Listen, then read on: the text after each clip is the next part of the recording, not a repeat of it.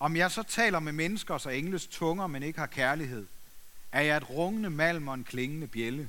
Om jeg så har profetisk gave og kender alle hemmeligheder og ejer alt kundskab, og har alt tro, så jeg kan flytte bjerge, men ikke har kærlighed, er jeg intet.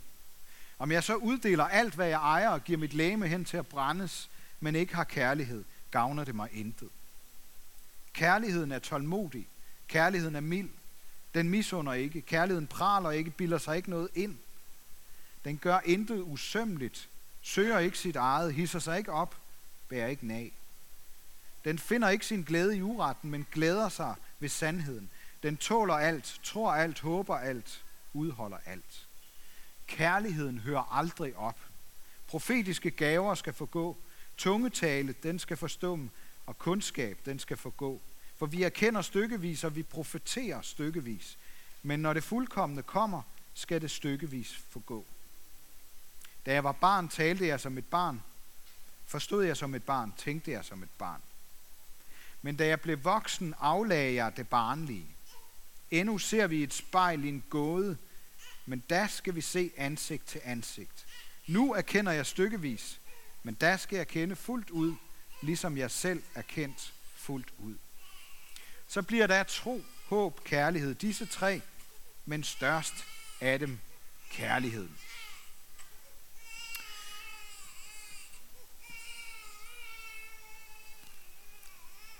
Jeg ved jo ikke, hvordan øh, I tænker om, om de her ord. Det, en, det interessante, synes jeg, er, at uanset om vi, øh, om vi kender noget til Jesus eller ej, så det her med kærlighed, det, det optager os som mennesker. Og, øh, og når man hører sådan nogle store, stærke ord om kærlighed, eller oplever, måske ser det på film, eller, eller oplever det i en eller anden storslået fortælling, så, så, øh, så melder der sig nogle tanker hos de fleste af os, tror jeg. Hvor kan jeg helt konkret i mit liv, mit almindelige liv, opleve så stærk en kærlighed? Og er jeg kærlig nok til at få lov til at opleve sådan en kærlighed? Og måske endnu dybere, er jeg egentlig, er jeg værd at elske? Jeg er, hvad jeg præsterer. Det er temaet i dag. Og min påstand er, at det på mange måder er temaet over vores liv hver især i den tid, vi lever i. At vi kæmper for at blive dem, vi gerne vil være. Vi kæmper for at blive den bedste udgave af os selv på studiet, på arbejdet, med vennerne eller derhjemme hos familien, lige meget hvor vi er henne. Og hvis det ikke lykkes for os, så tænker vi instinktivt, jamen jeg er jo hvad der lykkes for mig. Jeg er, hvad jeg præsterer. Og det kan umiddelbart lyde som om, vi taler os selv og hinanden op, når vi tænker på den måde, fordi så bliver vi vel hele tiden bedre. Fordi vi hele tiden er bevidste om, jeg skal, jeg skal stå på tær for at blive lige så god, som jeg gerne vil være. Hvis jeg bare var lidt mere kærlig, eller lidt mere elskværdig, så vil verden omkring mig blive meget mere fyldt med kærlighed. Men det første, jeg gerne vil understrege i dag, det er, at jeg tror, det forholder sig stik modsat. Vi taler ikke hinanden op på den måde. Vi taler os selv og hinanden ned, når vi tænker, at vi kun er, hvad vi præsterer. Når sex og begær kaldes kærlighed, så bliver vi reduceret til et driftsstyret dyr. Og når vi fortæller om alle de ting, vi elsker, så reduceres kærlighed til noget, der kan købes. Sådan bliver det så let. Er det det, Paulus sigter til? Det tror jeg ikke. Det er nemlig sådan, at vi kan så let miste lysten. Men kærligheden hører aldrig op. Og det er det, vi kan kende kærligheden på. Hvis det, vi kalder kærlighed, er noget, der kommer og går, så er det i virkeligheden noget andet. Måske et udtryk for kærlighed, men det er i hvert fald ikke kærligheden selv. Hvis vi tænker, at vi er, hvad vi kan præstere, at vi er elsket i den grad, vi selv viser kærlighed, så taler vi ned både til os selv og til hinanden. Paulus, i det vi lige har hørt, gør det modsatte. Det stik modsatte. Han taler ikke bare kærligheden op, han taler også mennesket op. Vi er skabt til at blive elsket. Skabt til at være til. Ikke som et middel eller et objekt, andre kan elske eller blive elsket af, men helt enkelt skabt og elsket frem som et mål i sig selv. Det er jo underligt, at vi er nødt til at sige det til hinanden igen og igen. Selvom vi måske et eller andet sted godt ved, at det er sådan, det er. Som jeg hørte om et ældre ægtepar, der erfarede, efter at de var kommet op i årene og fik flere og flere skavanker og begrænsninger, som sagde, hvad man kan præstere, er egentlig ikke det vigtigste. Det der med at præstere, det møder os bare så massivt i dag. Og oveni, så bliver vi også straffet for det, hvis vi ikke præsterer. Det kan være karaktererne i skolen, der kan begrænse vores muligheder, eller helt ned på sådan et banalt plan, som at vi minder hinanden om vores alder med kanel og peber i en bestemt alder. Og hvis vi ikke tjener nok, jamen, så kan det være, at vi får færre muligheder for at købe det drømmehus, vi tror kan gøre os lykkelige. For slet ikke at tale om, hvad det gør ved os, når vi frivilligt og ufrivilligt ikke har noget arbejde, mister vores arbejde, som ellers definerer, hvem vi er. Og oven i det, så skal vi også selv finde kærligheden, som man siger. Eller vi skal skabe os en karriere, vi skal endda definere vores eget køn. Hvis vi ikke elsker os selv eller vores liv, så bærer vi ifølge den kultur, vi er en del af, i sidste ende selv ansvaret for at lave det om.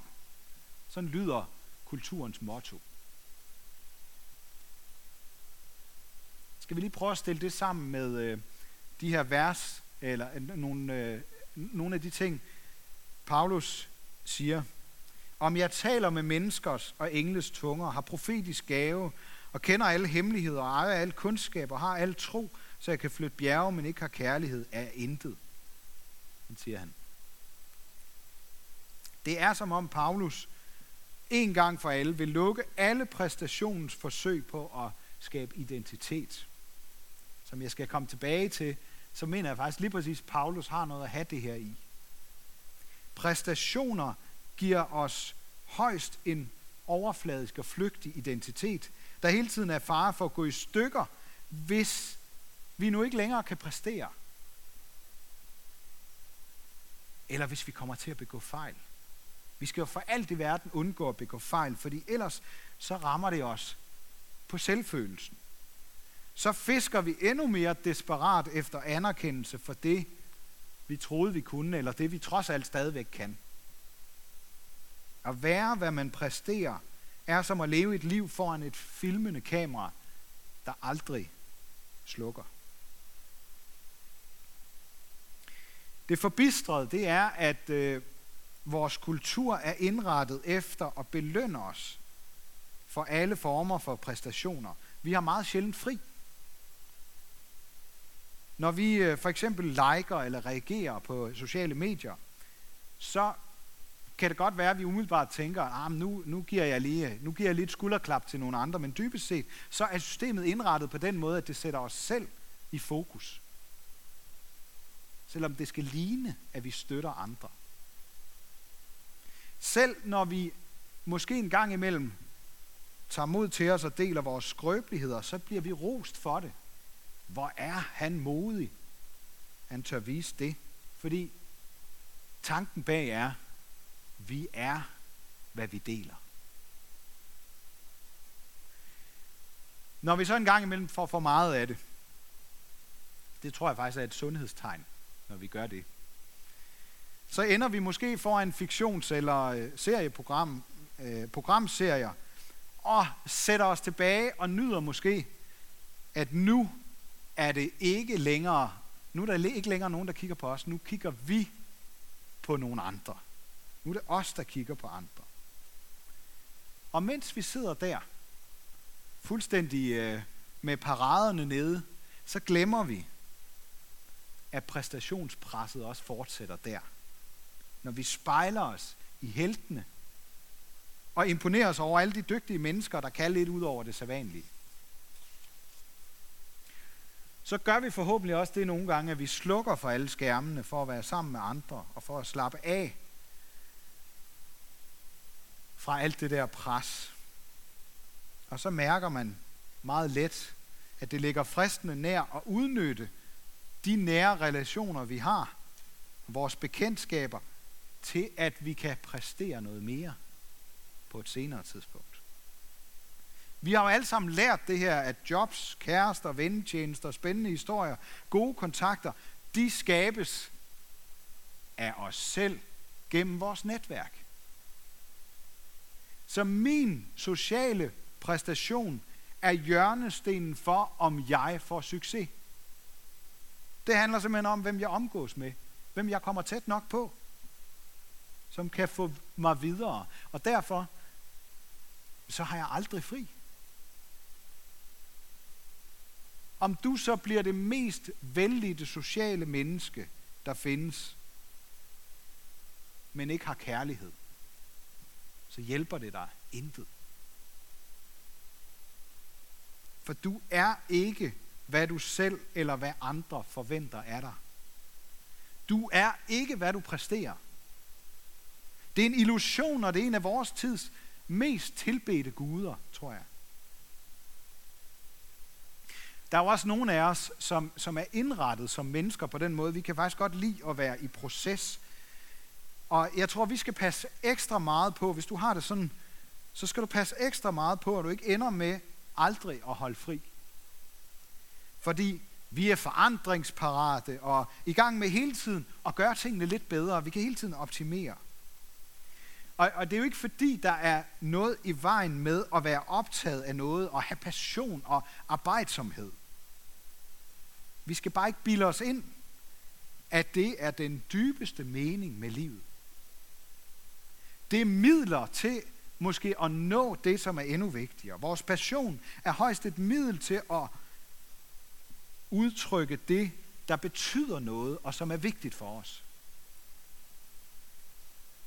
Og så har jeg undret mig over en ting, og det er ikke, det er ikke sådan, øh, jeg har ikke undret mig over jer, som jeg kender. Øh, øh det er i virkeligheden også meget mig selv, jeg har undret mig over.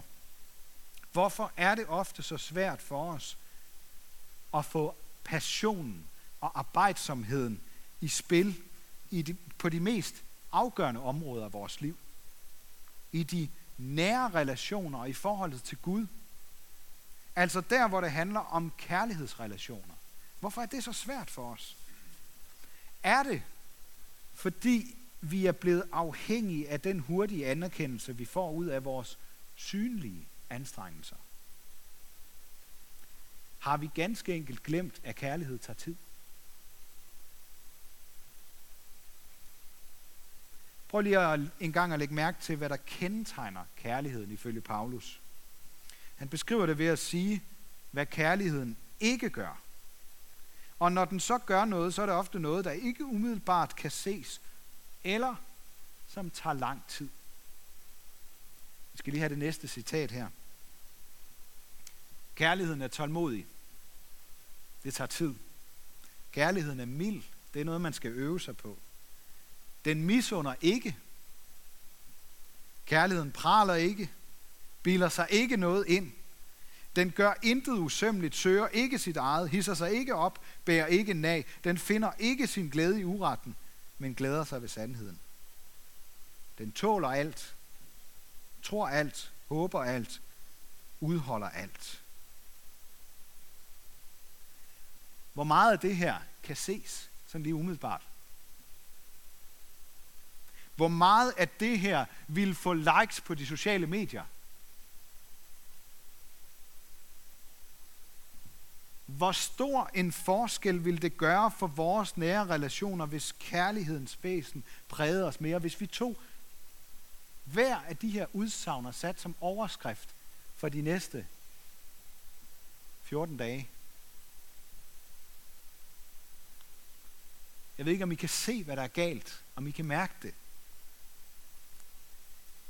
Det, der er galt, det er, at vi jagter det forkerte.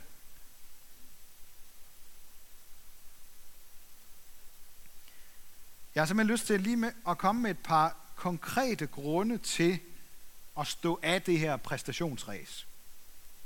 For det første, så skal vi gøre det sådan helt banalt, fordi vores liv kunne blive bedre, end det er nu. Vores relationer kunne have så godt af det. Og for det andet, fordi den uendelige præstation dræber noget utrolig værdifuldt. Det dræber skaberglæden. Og det er underligt, ikke? Fordi vi præsterer jo for at opnå noget, ikke? Men det dræber skaberglæden. Altså den der glæde ved bare at skabe noget, uden at det skal blive til noget, jeg får løn eller anerkendelse for. Glæden ved at skabe, bare fordi jeg er skabt, og fordi jeg kan. Prøv lige at overveje, hvad der egentlig er ved at vise nogen noget andet. Eller vise andre noget, man har lavet, hvis man bliver, kun bliver mødt med en opfordring til at øh, måske lige at gøre det lidt bedre næste gang. Det dræber virkelig. Vi har brug for at blive set, fordi vi er til, og fordi vi er et mål i os selv. For det tredje, så skal vi stå af ræset, fordi der er ingen af os, der er superhelte med overnaturlige kræfter. I gamle dage, der sagde man, øh, havde man sådan et udtryk, øh, der hedder øh, adel forpligter. Altså hvis man var blevet født med nogle særlige evner eller gaver eller muligheder, så øh, var der også en forpligtelse til, at man faktisk øh, sørgede for, at andre, at det kom andre til gode. Jeg tænker egentlig, selvom det er et gammelt udtryk, så øh, giver det stadigvæk mening. Det betyder, at hvis vi kan noget særligt, hvis vi får nogle muligheder for at gøre noget for andre, ved du hvad, så skal vi stille os op, og så skal vi udnytte det til fælles bedste. Og vi skal ikke gøre det for at høste anerkendelse, men fordi der er en mening med, at vi får evner og muligheder givet. Og det er sagt til jer, der godt ved, at I faktisk har evner og muligheder og chancer for at gøre en forskel. I ved, I kan gøre en forskel. Men så måske nogle gange ikke rigtig gider eller overgår. Det er nemlig sådan, at øh, sådan helt generelt set, så er der simpelthen færre, der gider tage en tørn for holdet. Fordi der er mange af os, der ikke øh, gider at samle på assist, men er mere optaget af selv at score, for at bruge sådan en sportsmetafor. Jeg oplevede det så sent som i fredags, da jeg spillede hyggefodbold med, med nogle gode venner. Øh, det er sjovt nok, øh, det der med at, at løbe frem og score, det er der altid nok, der er med til. Men det der med så at komme tilbage og forsvare og sådan nogle ting, der mangler ofte. Og det er desværre ikke bare på fodboldbanen. Det kan vi opleve rigtig mange steder. Så meget desto bedre er det jo, at vi så er her i kirken i dag. Fordi øh, det er et af de sidste præstationsfrie rum, vi har tilbage. Og inden I sådan lige sætter jer alt for godt til rette i stolen, så øh, vil jeg godt problematisere lidt, om det faktisk er så præstationsfrit, som det måske skulle have været. Det er nemlig sådan, at når et fællesskab er forholdsvis homogent, så kommer der meget let et pres for at være på en bestemt måde og mene som de andre.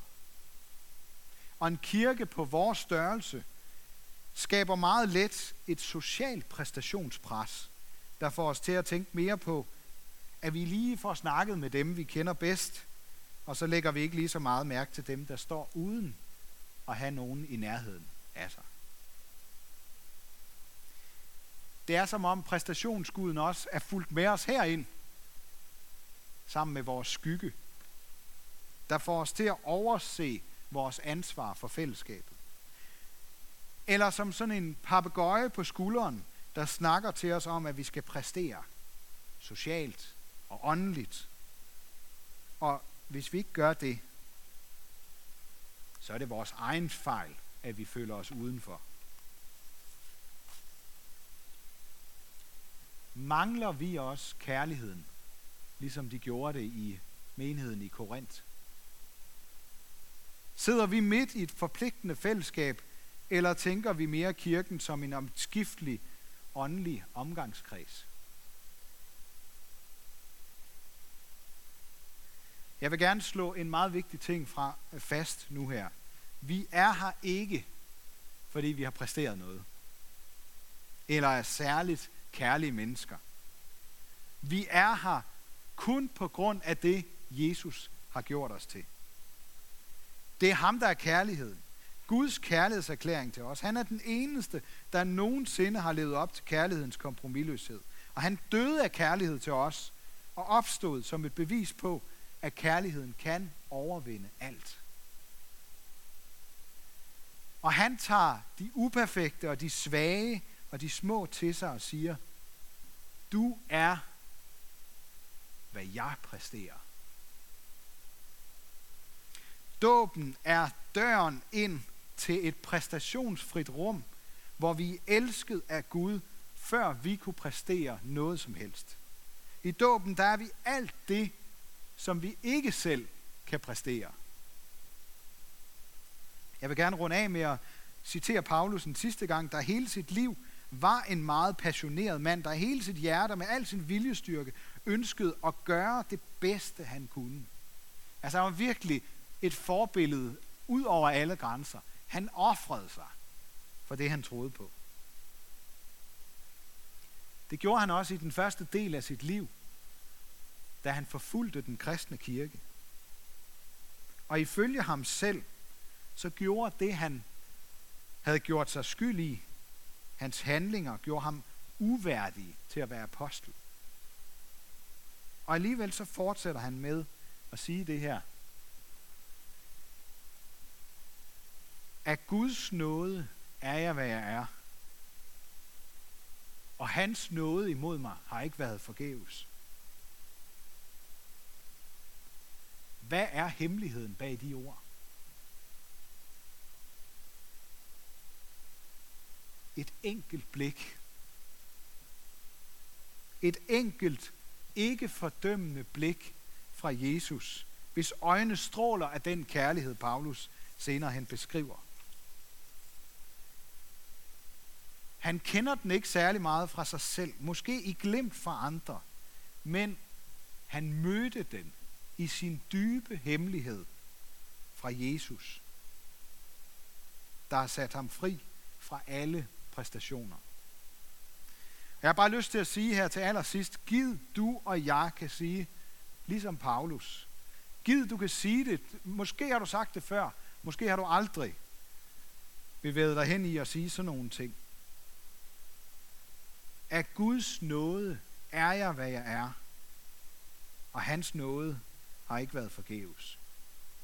Så er vi nemlig ikke bare elsket, et elsket og gudskabt under som menneske, men så er vi også sat fri fra forbandelsen ved at skulle nøjes med at være, hvad vi præsterer. Ære være Gud, vores far, der har skabt os i sit billede. Ære være Guds søn, der tog vores straf, så vi kan leve i frihed. Ære være Helligånden, ham der gør Guds kærlighed levende for os.